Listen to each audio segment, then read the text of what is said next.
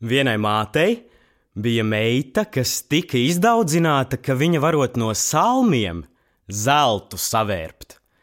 Ķēniņš to izdzirdējis, lika viņu uz pili aicināt un izvaicāja, vai viņa tiešām to varot izdarīt. Nekā ļauna nedomādama, viņa gribēja palielīties un sacīja, ka varot gan, tikai ja labi daudz salmu esot, bet patiesībā viņa gan nekā par to nezināja.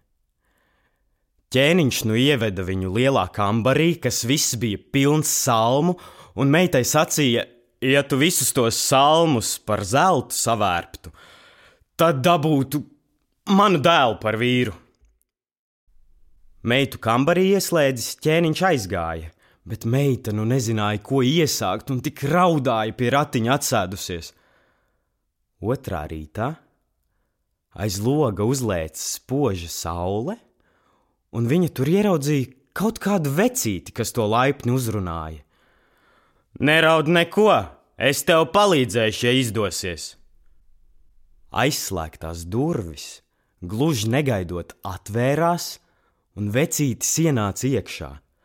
Tur nu viņš runāja tālāk, kad ķēniņa dēls tev apprecēs, kad tev piedzims pirmais bērns, to bērnu tu apsolē dot man tad es tev palīdzēšu. Neko nedomādam, meita teica, labprāt atdošu.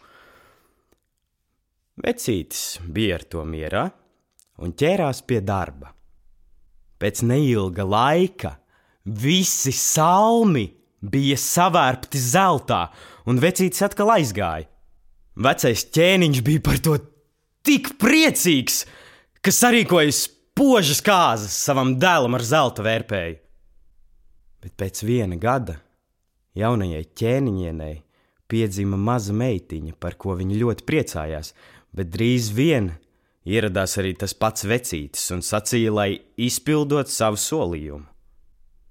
Jaunā ķēniņiene par to gauži satrūkās un lūdza vēl dažas dienas apdomāties. Vecītis bija ar mieru un deva viņai vēl astoņas dienas laika, piebilstams, ka Ja tu tanīs astoņās dienās vari uzminēt, kas man ir vārdā, tad bērnu tev atstāšu. Bet, ja tu neuzminēsi, bērns būs mans. Ķēniņiene nu lika uzrakstīt visus vārdus no visādām grāmatām, bet tad, kad vecītis atnāca, izrādījās, ka neviens nebija īstais. Bet noteiktais laiks vēl nebija pagājis.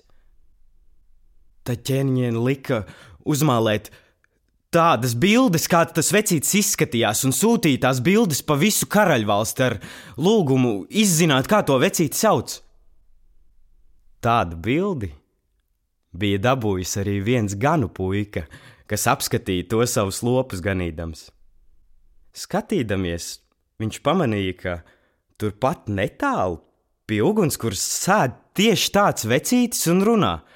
Es esmu priecīgs, ka neviens nezina, ka mani sauc par Luku Luku lociņu. Ganu puika to tūliņ paziņoja ķēniņienei, ko pašu laiku bija noklausījies. Ķēniņiene ļoti priecājās un bagātīgi apdāvināja nabaga ganu puiku. Drīz pēc tam ienāca arī vecītis un sacīja: Atdod man tagad savu bērnu! Noteiktā diena ir klāta! Bet ķēniņien atbildēja: Es jau vēl neesmu visu vārdu izteikusi. Nu, kā tad mani sauc? Vecītis prasīja. Par luku luku lociņu, ķēniņien atbildēja. To izdzirdis, vecītis kliedza, laikam citi vēlni no elles tev to būs pastāstījuši.